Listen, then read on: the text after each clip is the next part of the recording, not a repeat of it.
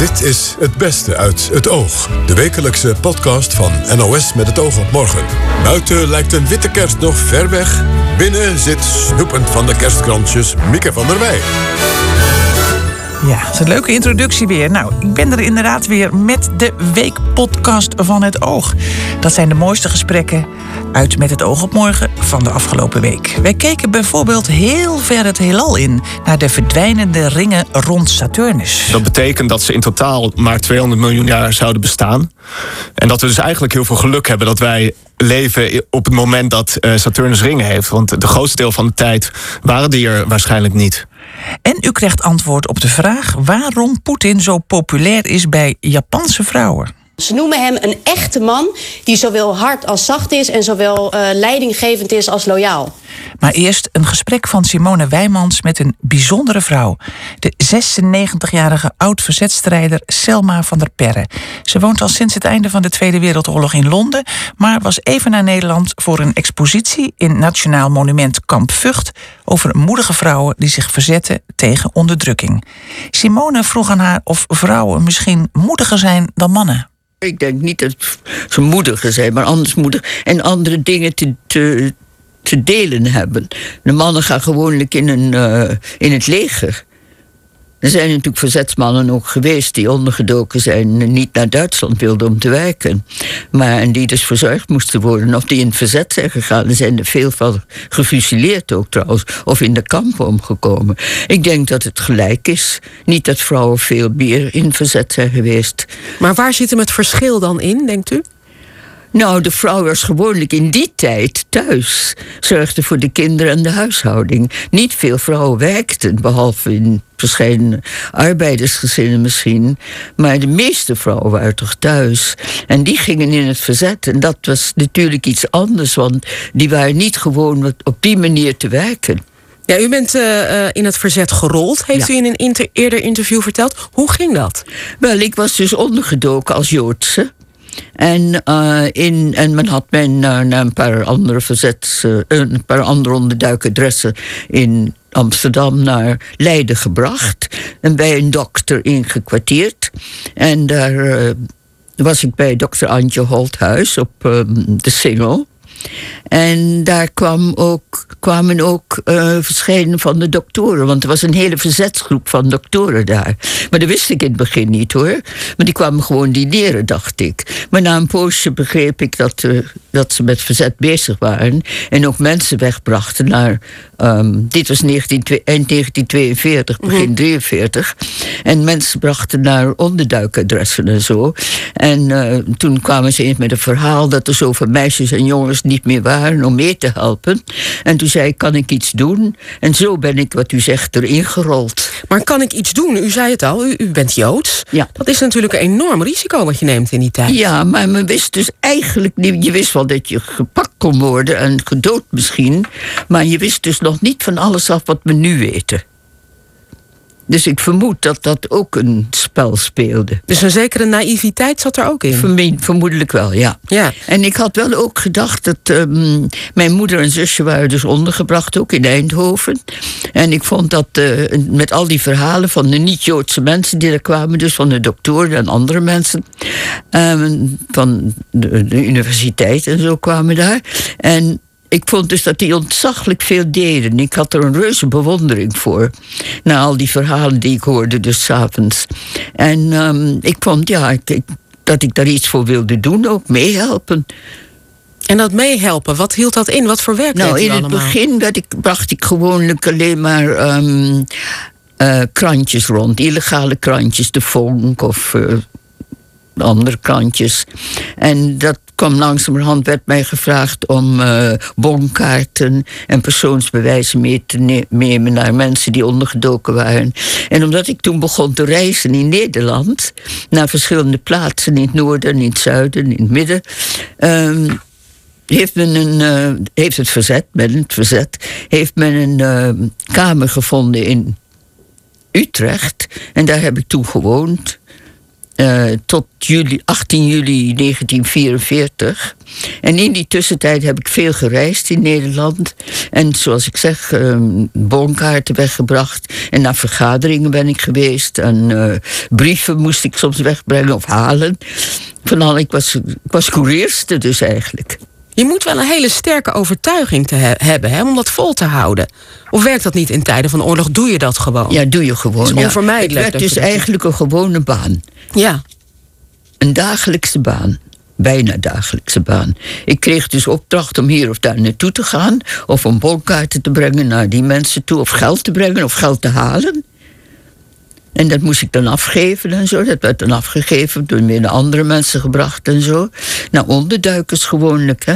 Want tegen die tijd uh, doken dus ook christenjongens onder. Die moesten dus gaan werken in Duitsland. En dat weigerden ze. Dus die moesten ook onderdak gevonden worden. En je had dus ook degene, de jongens die niet... die moesten studeren nadat ze dus 17 of 18 van school kwamen. En dan moesten ze ondertekenen, moesten ze loyaliteit tekenen. Hè? En dat wilden ze niet, dus die gingen ook onderduiken. Mhm. Dus um, dat moest allemaal verzorgd worden. En welke ervaring is u nou het meeste bijgebleven als u terugkijkt op die hele periode? Nou, er was wel een ontzaglijk samenwerking, vond ik. Dat heb je nu niet meer, dacht ik. Samenwerking van de geloven, van de uh, politieke onderdelen en van iedereen. Ja, maar als u denkt aan de, de, acties die u hebt gedaan, de, de biljetten die u heeft, heeft vervalst, welke ervaring zegt u van oké, dat was heel bijzonder om te doen of om mee te maken of extra spannend?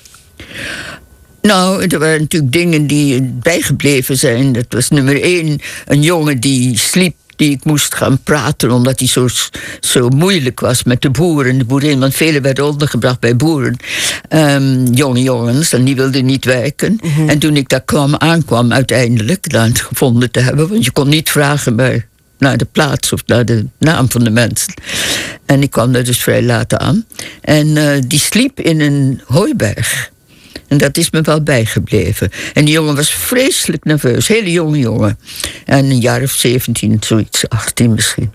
En ehm, die haalde onder het hooi, want dat was hooiberg, dus waar hij sliep, uh, onder het hooi een pistool vandaan. Of vijf pistolen in een, in een zakdoek. En die, die bood mij er een aan. Ik was al stom verbaasd dat die jongen dat had. Ja. Ja. Want wij hadden altijd gezegd: geen pistolen en geen.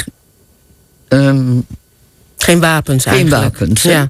En um, dus hij bood me eentje aan, heel mooi, met een parelmoeren handeltje en zo, Mhm. handvatje. En um, dat heb ik geweigerd. Ik zei, nee, ik doe het niet. En ik heb met die jongen gepraat en zo. Gezegd, ja, maar dat gaat niet. Je bent hier ondergedoken, want je wil niet naar Duitsland. Dus je moet doen. En... Um, nou, die boer en boerin hebben hem toen weer genomen. Maar hij is wel lastig gebleven. Ik heb later gehoord dat ze hem toch naar iemand anders moesten brengen. Omdat hij een lastpak was. Ja. ja. u bent op een gegeven moment opgepakt, dat zei u net al. Maar Hoe ik ben was dus dat wat voor me u? ook bijgebleven Oh, ja. is dat ik. Um, ik ben dus uh, ook naar Parijs geweest en naar België. En ik vraag me nu vaak naar na de oorlog en nu ik zo oud ben, af hoe ik dat heb kunnen doen. Dat het allemaal Ja. zo gemakkelijk ging. Maar heeft u daar het antwoord op? Nee. nee. Ja, u zei net al dat u op een zeker moment bent opgepakt. Ja. U heeft uh, In kamp Utrecht. Vught overleefd, ook uh, vrouwenkamp uh, Vught, Ravensbrück. ja, ja. Um, denkt u daar nog dagelijks aan, aan die periode in die kampen? Nee, niet meer. Want ik, ieder jaar ben ik dus naar Ravensbrück geweest met de PABO-student uit Nederland. Om daar toespraken te houden en te vertellen over de. En ieder jaar ga ik naar um, de Hildegard Hansen Stichting uh, om naar Duits, met Duitse studenten te praten en zo. En die zijn allemaal heel geïnteresseerd, vandaar dat ze uh, ons gevraagd hebben om mee te gaan. En um, dat, dat is heel goed, maar het is bijna een, uh, geworden dat ik het moet doen, weet je. Um, die verhalen blijven vertellen. Ja, Zeker ja. aan jonge mensen, aan oh, studenten. Zeker, ja, dat vind ik heel belangrijk. Wat is Want daar zo vrienden belangrijk in aan? Engeland vragen me soms, waarom doe je dat toch allemaal? Zeker op jouw leeftijd nu. En dan zeg ik, ik vind het nodig. Mhm. Noodzakelijk. Nu nog steeds. Nu nog, zeker nu nog steeds. Mm -hmm. Ja, u bent 96. Een van de laatste die dit soort verhalen nog kan vertellen uit eigen ervaring. Dat lijkt me een hele nare, ook wel rare gedachte. Dat is zo weinig mensen juist zijn. een toen ik eh, zo- foto's en papieren zocht voor deze tentoonstelling vanmiddag, ook in Aalteland was de tentoonstelling, eh, vond ik een, een foto, foto. En dat was met heel in het begin, want ik kwam dus over naar Nederland vaak toen ik nog voor televisier en de Afro werkte. En nadat mijn man overleden was, die daarvoor werkte. Ehm, dan hadden ze altijd een bijeenkomst. En dan werd ik dus ook uitgenodigd om te komen in, het, in de Nieuwe Kerk op de Dam. En ehm, ik vond die foto dat we geluncht hebben ergens in een restaurant in Amsterdam. En, allemaal, en die, die zijn allemaal dood. Ik ben de enige overlevende. Er staan een stuk of twintig mensen op. Allemaal uit Ravensbrück dus. Dus het is zeer essentieel om die verhalen te Ja. blijven vertellen. Ja. Om die moedige vrouwen te blijven portretteren. Ja, dat vind ik. Herdenken is zo belangrijk. Vind ik tenminste. En dat vinden een heleboel mensen. Of schoon in Engeland dus, waar ik dus woon, in Londen. ehm, zeggen mijn vrienden dus, oh, waarom doe je dat nou toch? En dan probeer ik uit te leggen dat ik het heel belangrijk vind. Wijze woorden van de 96-jarige Selma van der Perre. Zulke vrouwen moeten we koesteren. Deze week ging de zaak tegen Willem Holleder weer verder in de Amsterdamse bunker. Wie bijna elke zitting van die zaak meemaakt en dan extra goed op Holleder let, is Petra Urban. Zij is rechtbanktekenaar. Presentator Kees Grimbergen vroeg aan haar wat haar vaste plek is in de rechtszaal. Eh, het- ja, bij de bunker is het, eh, krijg ik mijn plek een beetje aangewezen. En dat is als het goed is het rijtje tafeltjes vlak achter eh Holleder en zijn advocaten. Dus dan moet je van achteren Ja? toch een schets geven. Ja, we gaan een beetje schuin achter hem zitten, want de bunker is vrij groot. Ja. En wij hebben het voordeel, als tekenaars dan, dat wij eh, voor het glas mogen zitten. Want de rest van eh, de, de journalisten, die zitten achter het, eh, ja, achter het kogelwerend, geloof ik. In ieder geval het, het veilige glas. Toch Ja. een soort exclusief kantje. Laten verdachten zich makkelijk tekenen? Nou, gaat niet stilzitten voor mij. Nee. Draaien ze zich wel eens van je af? Eh, als we het niet over Holleder hebben, ja, dan ja, dat gebeurt ook. Het, het- ja, ik heb, want je Ja. tekent natuurlijk veel meer. hè? Hoeveel jaar doe je het nu? Hoeveel ja. jaar doe je het nu? Eh, sinds 2007. Ja. Hoe vaak heb je meegemaakt dat een verdachte liet zien of merken, misschien zei hij het of eh, gebaarde, ik wil geen tekening? Eigenlijk vrij weinig nog. Maar ik heb een verdachte gehad, die, die stak telkens zijn tong naar me uit. Dus die heb ik ook zo geportretteerd uiteindelijk. En ehm, ja, de- de- het is ook wel gebeurd dat een verdachte mij eh, de zaal het liefst eh, uit wilde hebben. Of in ieder geval mij het tekenen wilde beletten. Zei hij dat via zijn de- advocaat? Ja, zo? dat gaat eh, via advocaten, ja. En, die, zei- en wat, wat doe je dan? Als de Eh, advocaat zegt... Nou, ik wacht het gewoon even rustig af. Ik, ik doe eigenlijk niks. Ik, ik glimlach vriendelijk. En eh, kijk, eh, de, de rechter die, eh, die geeft daar vanzelf wel een antwoord op. En meestal, eh, of eigenlijk tot nu toe, is dat ehm, zoiets als. ehm, ja, dat, dat was het specifieke voorbeeld waarin in Rotterdam werd gevraagd of ik iemand niet zou willen tekenen. Dat werd een, een heel verhaal van die advocaat.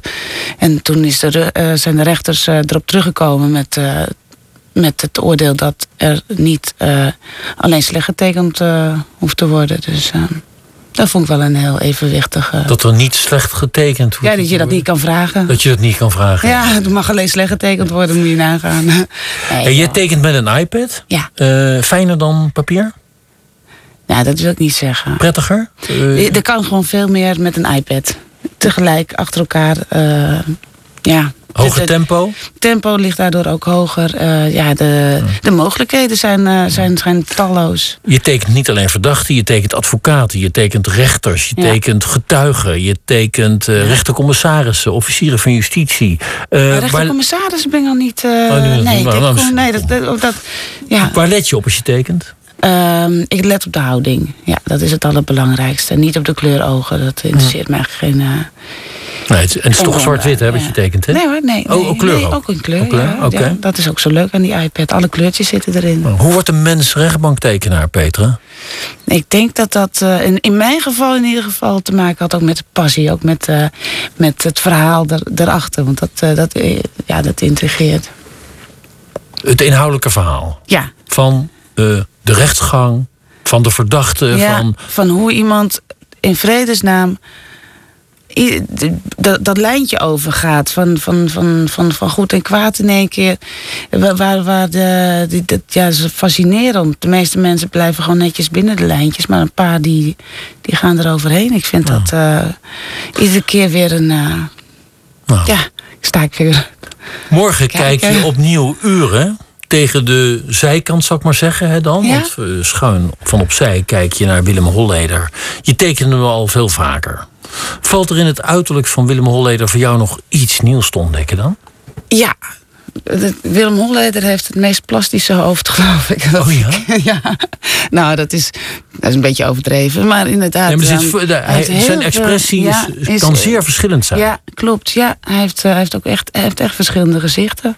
Ja. Het, uh, dat is uh, bijzonder om te zien. En ik probeer er altijd weer eentje uit te pikken die, uh, die ook weergeeft wat de sfeer van die dag is. Ja. Dat... Je probeert er toch iedere keer weer iets anders van te maken. Voor de krant. Je bent freelancer, maar je werkt vooral. Mag ik zeggen vooral voor de Telegraaf? Ja, dat is wel. ja, ik werk heel veel voor de Telegraaf. En, en ja. In dit geval wel. Heb je ooit de neiging gehad om een verdachte lelijk te tekenen vanwege het lelijkst dat hij gedaan zou hebben? Nee. Nee, nee, nee. Het is niet aan mij om te oordelen. Godzijdank nee. niet. Nee. Die neiging ken je ook niet bij nee, jezelf? Nee, helemaal niet. Nee, ik vind het eigenlijk uh, juist om te laten zien dat daar een gewoon mens zit. Een echt mens van vlees en bloed, dat vind ik. Uh, ja. Dat is toch eigenlijk bijzonder. Ja. Ik zag uh, vorige week een tekening van jou van een rechter. En ja. ik ken die rechter. Wat leuk. En die rechter ken ik zodanig goed dat ik moet zeggen. Ze geleek zeer, het is een zij. Ja. Uh, Jolande Bosman, je portretteerde haar in de Telegraaf. Ja. Uh, komt het voor dat je, niet Jolanda, maar mensen, andere rechters of verdachten, zo dicht bij de werkelijkheid tekent dat ze je wel eens verwijten? Nou, zo werkelijk had je me nou niet hoeven te tekenen. ja, zoals uh, um, Bram Moskowitz eens een keer zei. Ja, zeer confronterend, die tekeningen van jou. Zeer confronterend. nou, dat is een compliment. Van Moskowitz. Ja, zo, ja, toen was hij nog advocaat, ja. En van verdachten? Heb je verdachten je wel eens laten weten wat ze van je tekeningen vinden? Uh, ja. ja, is wel eens gebeurd. Maar uh, eigenlijk valt het nog wel mee met de klachten, hoor. Maar ja, valt wel mee. Ja. Ik zit zo eens even te denken. Nou, gaat wel goed. Nee, nog? Nee, nee ja, nee. hoogstens dat uh, een klacht van, uh, van Holleder dat hij. Ja, hij maakte een grapje volgens mij. Zo van uh, dat zijn neus te klein was. Maar de. De, de, de Roelvink, hoe heet die jongen ook alweer? Um, de zoon van. Nee, die Roelvink, vond zijn. Die vond zijn Roelvink bedoel je? Ja, en die heeft een jongen. Hij heeft een zoon. Ja. Ja, die ging naast. Dave ja, ja, die, ging, die, die vloog uit de bocht. En die, die vond zijn neus dus echt te groot op de tekening. Ik, ga, ik ga overmorgen in de Telegraaf kijken hoe ja. je tekening van morgen gaat lukken ja? van Holleder. Ik wens je veel succes met je werk en fijn dat je hier was. Ja, leuk om te doen. Dankjewel. Ze kunnen er geen genoeg van krijgen in Japan. Poetin-kalenders. Ze verkopen er beter dan kalenders van bekende Japanse acteurs of atleten. Hoe kan dat? vroeg Kees aan Japanoloog Manja Koetsen. Wat hebben Japanners met Poetin? Ja, heel veel. Er is een hele subcultuur ontstaan van uh, vooral vrouwen, maar ook jongeren, zowel man als vrouw, die uh, helemaal verzot zijn op uh, Poetin. Ze vinden hem knap, ze vinden hem sterk, charmant. Ik las vandaag op social media zelfs iemand die hem onweerstaanbaar noemt. Een enorm charismatische man. En ja, die moet je natuurlijk op je kalender hebben. Wat is dan het charismatische dat de Japanners zo aanspreekt aan Poetin? Ja, nou vooral de plaatjes. Het is echt het imago. Het gaat ook helemaal niet meer om zijn politiek. Het gaat uh, eigenlijk helemaal om populaire cultuur en hoe, hij uh, op die foto staat. Poetin als een dierenvriend, zwemmend met dolfijnen, als sportheld op de judomat. Echt een macho man uh, met een geweer. Dat zijn allemaal verschillende foto's.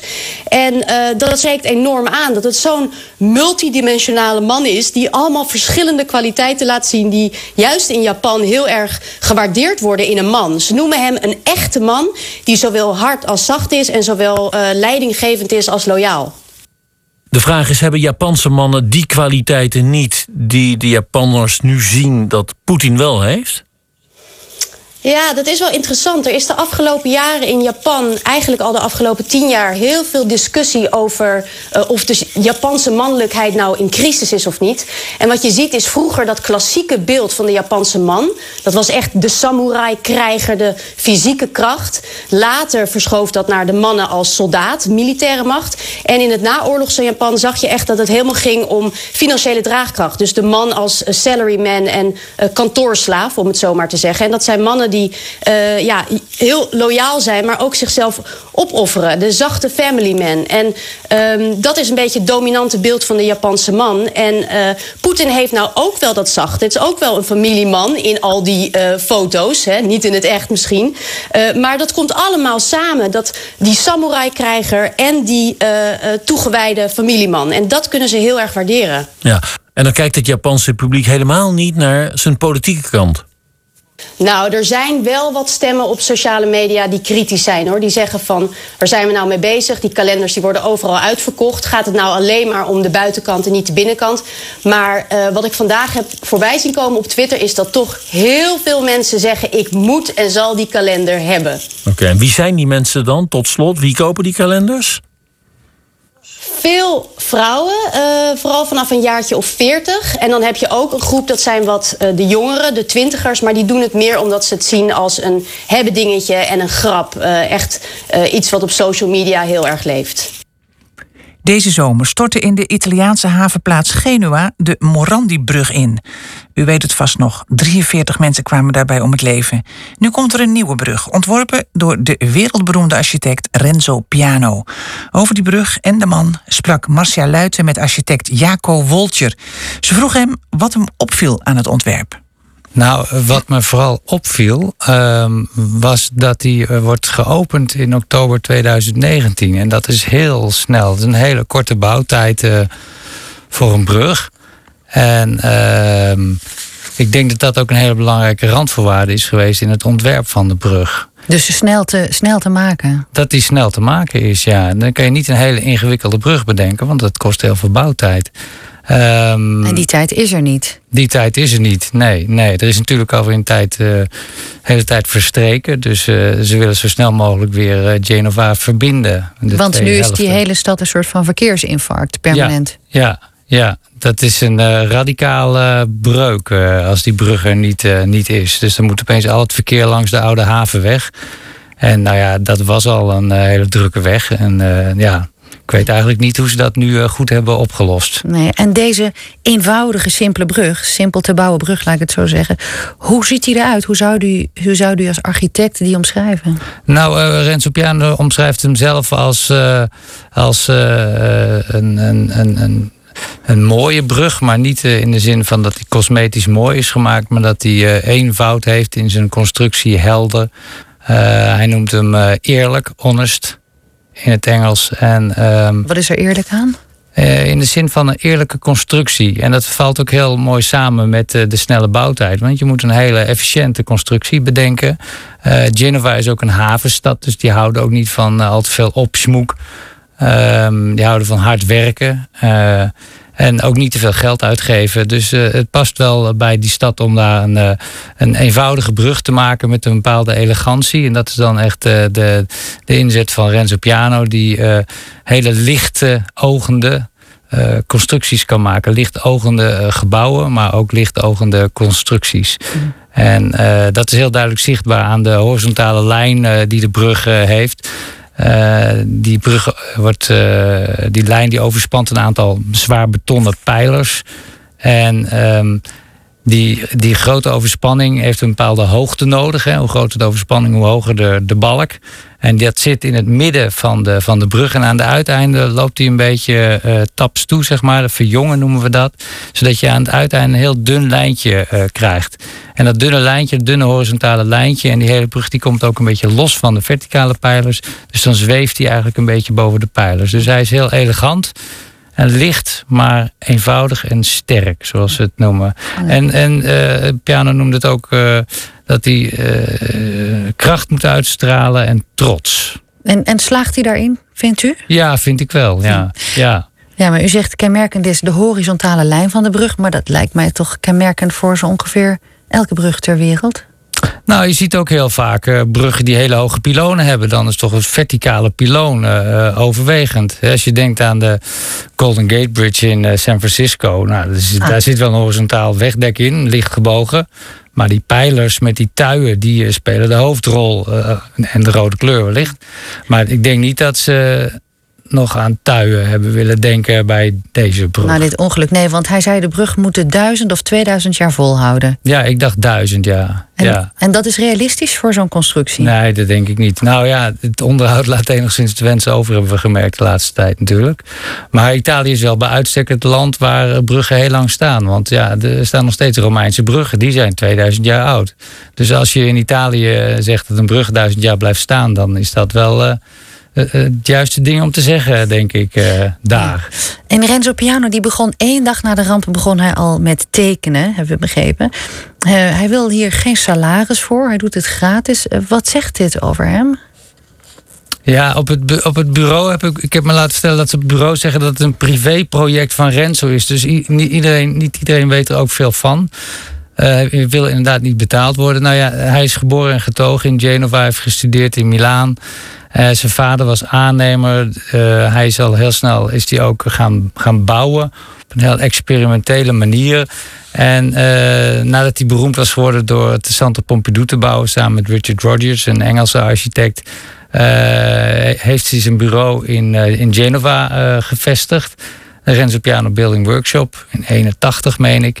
En daarna heeft hij ook veel opdrachten in de stad gedaan. Genova is een hele dichte, donkere stad. En die was afgesloten van de haven door een grote autostrada op poten. Die hebben ze op een gegeven moment verwijderd. Hij heeft Piano een tunnel eh, gemaakt, zodat de stad weer verbonden werd met de haven. En heeft ook heel veel gebouwen gemaakt. Ook, eh, dus, dus het is echt zijn stad. Het is zijn stad en hij wil wat voor die stad doen. En dat, dit was een, een soort ja, een, een, een hartinfarct voor die, voor die, voor die stad. Ja. Ik ben daar zelf ook heel vaak overheen gereden. Dat was de manier waarop je die stad inreed. En daarnaast, ik denk dat uh, het gros van de werknemers eh, in de vestiging in Genova in, in de stad woont. En het bureau is buiten de stad. Dus ja, hij had er zelf ook baat bij. Hm. Dat zijn werknemers weer. Dat uh, ook nog eens. Ja.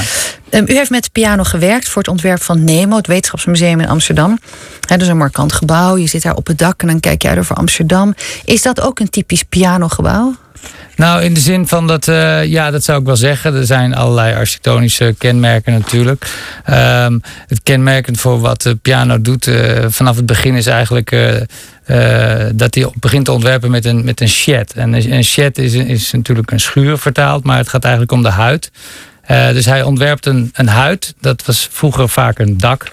En uh, daaronder het maaiveld. En verbond hij dan met glas.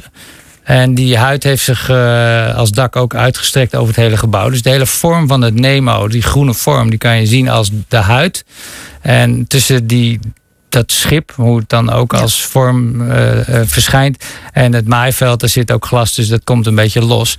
Dus dat is heel typisch kenmerk architectonisch. Uh, en wat ook heel kenmerkend is, is dat hij altijd meteen begint over dat plein omdat hij wil dat een gebouw iets toevoegt aan de stad en niet alleen maar neemt.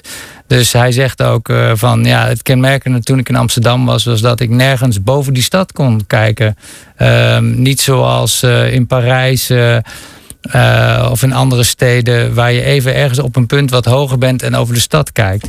Zoals het Centre Pompidou ook doet. Hè. Dan ga je met, uh, met de roltrap ga je omhoog en dan kijk je net over de daken heen. En dat dak, dat openbare dak, of eigenlijk publieke dak, want je mag er niet altijd komen, maar dat is een hele belangrijke toevoeging. En dat is wat hij altijd probeert te doen. Dat hij ook het gebouw met de stad probeert te, eh, te verbinden. Ja. Door middel van dat plein in dit geval. Volgend jaar oktober moet de nieuwe brug klaar zijn. De planeet Saturnus, u weet wel, met die kenmerkende ringen is aan het veranderen. Of liever gezegd, de omgeving. Want de planeet verliest namelijk langzaamaan die ringen. Yannick Fritschi is wetenschapsjournalist bij New Scientist en vertelde donderdag aan Lucella dat ze ook best snel verdwijnen over 100 miljoen jaar hou je vast. 100 miljoen jaar zijn ze al weg, die ringen. En dat, is uh, snel. Dat is veel sneller dan verwacht. Ja, zeker als je bedenkt dat uh, Saturnus en het hele zonstelsel al 4,5 miljard jaar bestaan. Dus dan is, dan is 100 miljoen jaar eigenlijk heel weinig. En uh, ja, waar komt dat door? Dat is. Um, uh, vooral door de zon. De zon die stuurt uh, UV-licht op die op die ringen af. Die ringen bestaan vooral uit, uit uh, waterijs. En al die blokjes waterijs die krijgen dan uh, elektrische lading. Uh, en daardoor wordt ze gevangen door het magneetveld van Saturnus. Dus dat is een beetje een technisch verhaal, maar het is vergelijkbaar met het noorderlicht hier op aarde. Dan heb je ook geladen deeltjes die de atmosfeer binnendringen en dan een kenmerkend mooi groen licht uitstralen. En dat is eigenlijk ook wat er gebeurt met die, met die waterijsdeeltjes van de ringen van Saturnus. Die worden gevangen door het magneetveld en sturen dan een gloed uit. En nu hebben astronomen die gloed heel goed gemeten. Dus infrarood licht. Uh, dat hebben ze nu heel nauwkeurig gemeten. En daarin zien ze dat die, uh, die hagel, zou je het kunnen noemen... die ijsdeeltjes die dus op Saturnus storten... dat dat veel sneller gaat dan verwacht. En dat we dus al over 100 miljoen jaar die ringen waarschijnlijk kwijt zijn. Ja, toch zijn wij eerder weg dan die ringen, maar toch? Dat denk ik wel. Maar ja, voor sterrenkundig begrip is 100 miljoen jaar dus uh, vrij snel. Ja. En die hagel die gaat dan van die ringen, als ik jou goed begrijp... Die, dat stort neer op Saturnus. Wat gebeurt daarmee? Ja, precies. Dat wordt eigenlijk dus eerst elektrisch geladen... en daarna gevangen door het magneetveld van Saturnus. En dan um, komt het in de atmosfeer daar terecht. En daar waarschijnlijk van daar in gas. Dus het is niet dat, dat daar echt als hagel op de grond komt. Uh, maar in ieder geval uh, komt het niet terug als ring. Het uh, gaat echt naar de planeet toe.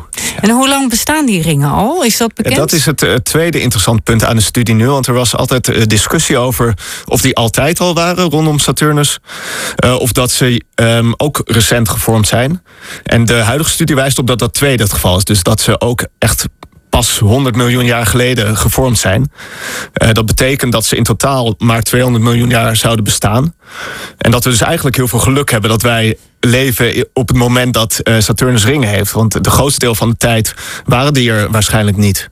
En, en de zon die daar dan nu zo op schijnt en veroorzaakt dat die hagel neerstort op Saturnus, of in ieder geval dat daar, daarin verdwijnt. Is dat dan vanaf begin af aan al gaande, dat proces? Is, is dat bekend? Uh, ja, waarschijnlijk wel. Nou, het is natuurlijk heel moeilijk uh, voor ons om te zeggen, omdat wij uh, nog maar zo kort onderzoek doen. Dus we hebben in de jaren tachtig hebben de Voyager-zondes, die zijn wel langs Saturnus gevlogen en die hebben dat proces voor het eerst gezien. Maar dat is dan echt maar een momentopname, dus je kunt dan heel moeilijk bepalen hoe snel dat gaat en hoe, hoe lang dat al aan de gang is. Uh, maar als je een beetje de verschillende uh, ringen met elkaar vergelijkt, want Saturnus heeft meerdere ringen, die, uh, sommige zitten heel dicht bij de planeet, sommige een stukje verderop. Als je die met elkaar vergelijkt, dan zie je dat de binnenste ringen nog veel sneller hun materiaal verliezen, doordat ze dichter bij de planeet zitten. Dus als je dat dan terugrekent, dan kun je een beetje uitrekenen wanneer dat begonnen is. En dat is dan inderdaad waarschijnlijk al redelijk vanaf het begin het geval. Dus, 100, ja, dus 100 miljoen jaar geleden zijn die ringen ontstaan, waarschijnlijk door een botsing van twee maanden of iets dergelijks. En uh, sindsdien zijn ze ja, langzaam uh, op Saturnus aan het hagelen. Nu aan het uh, ja, verdampen of in ieder geval aan ja, het verdwijnen. Ja. behalve dat dat dan zonde is voor het plaatje. Hè, want je zegt heel mooi dat Zeker, wij dat nu eigenlijk kunnen zien. Is, ja, is het erg verder? Ja, is het erg? Ja, um, voor Saturnus niet. Die, die redt zich wel met, met of zonder ringen. voor ons is het inderdaad als we het al meemaken, ja, dan, dan is het jammer voor het plaatje.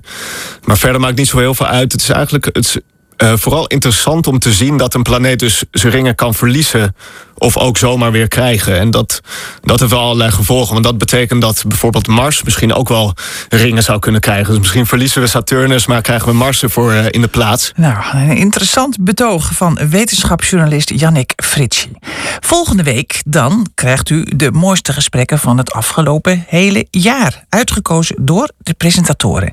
Dus tot volgende week en geniet nu nog even van een bijzondere uitvoering van onze eindtune. Gezongen door de heren van Frommerman. Dag. Gute Nacht, Freunde, Dua. Es wird Zeit für mich zu gehen. Dua.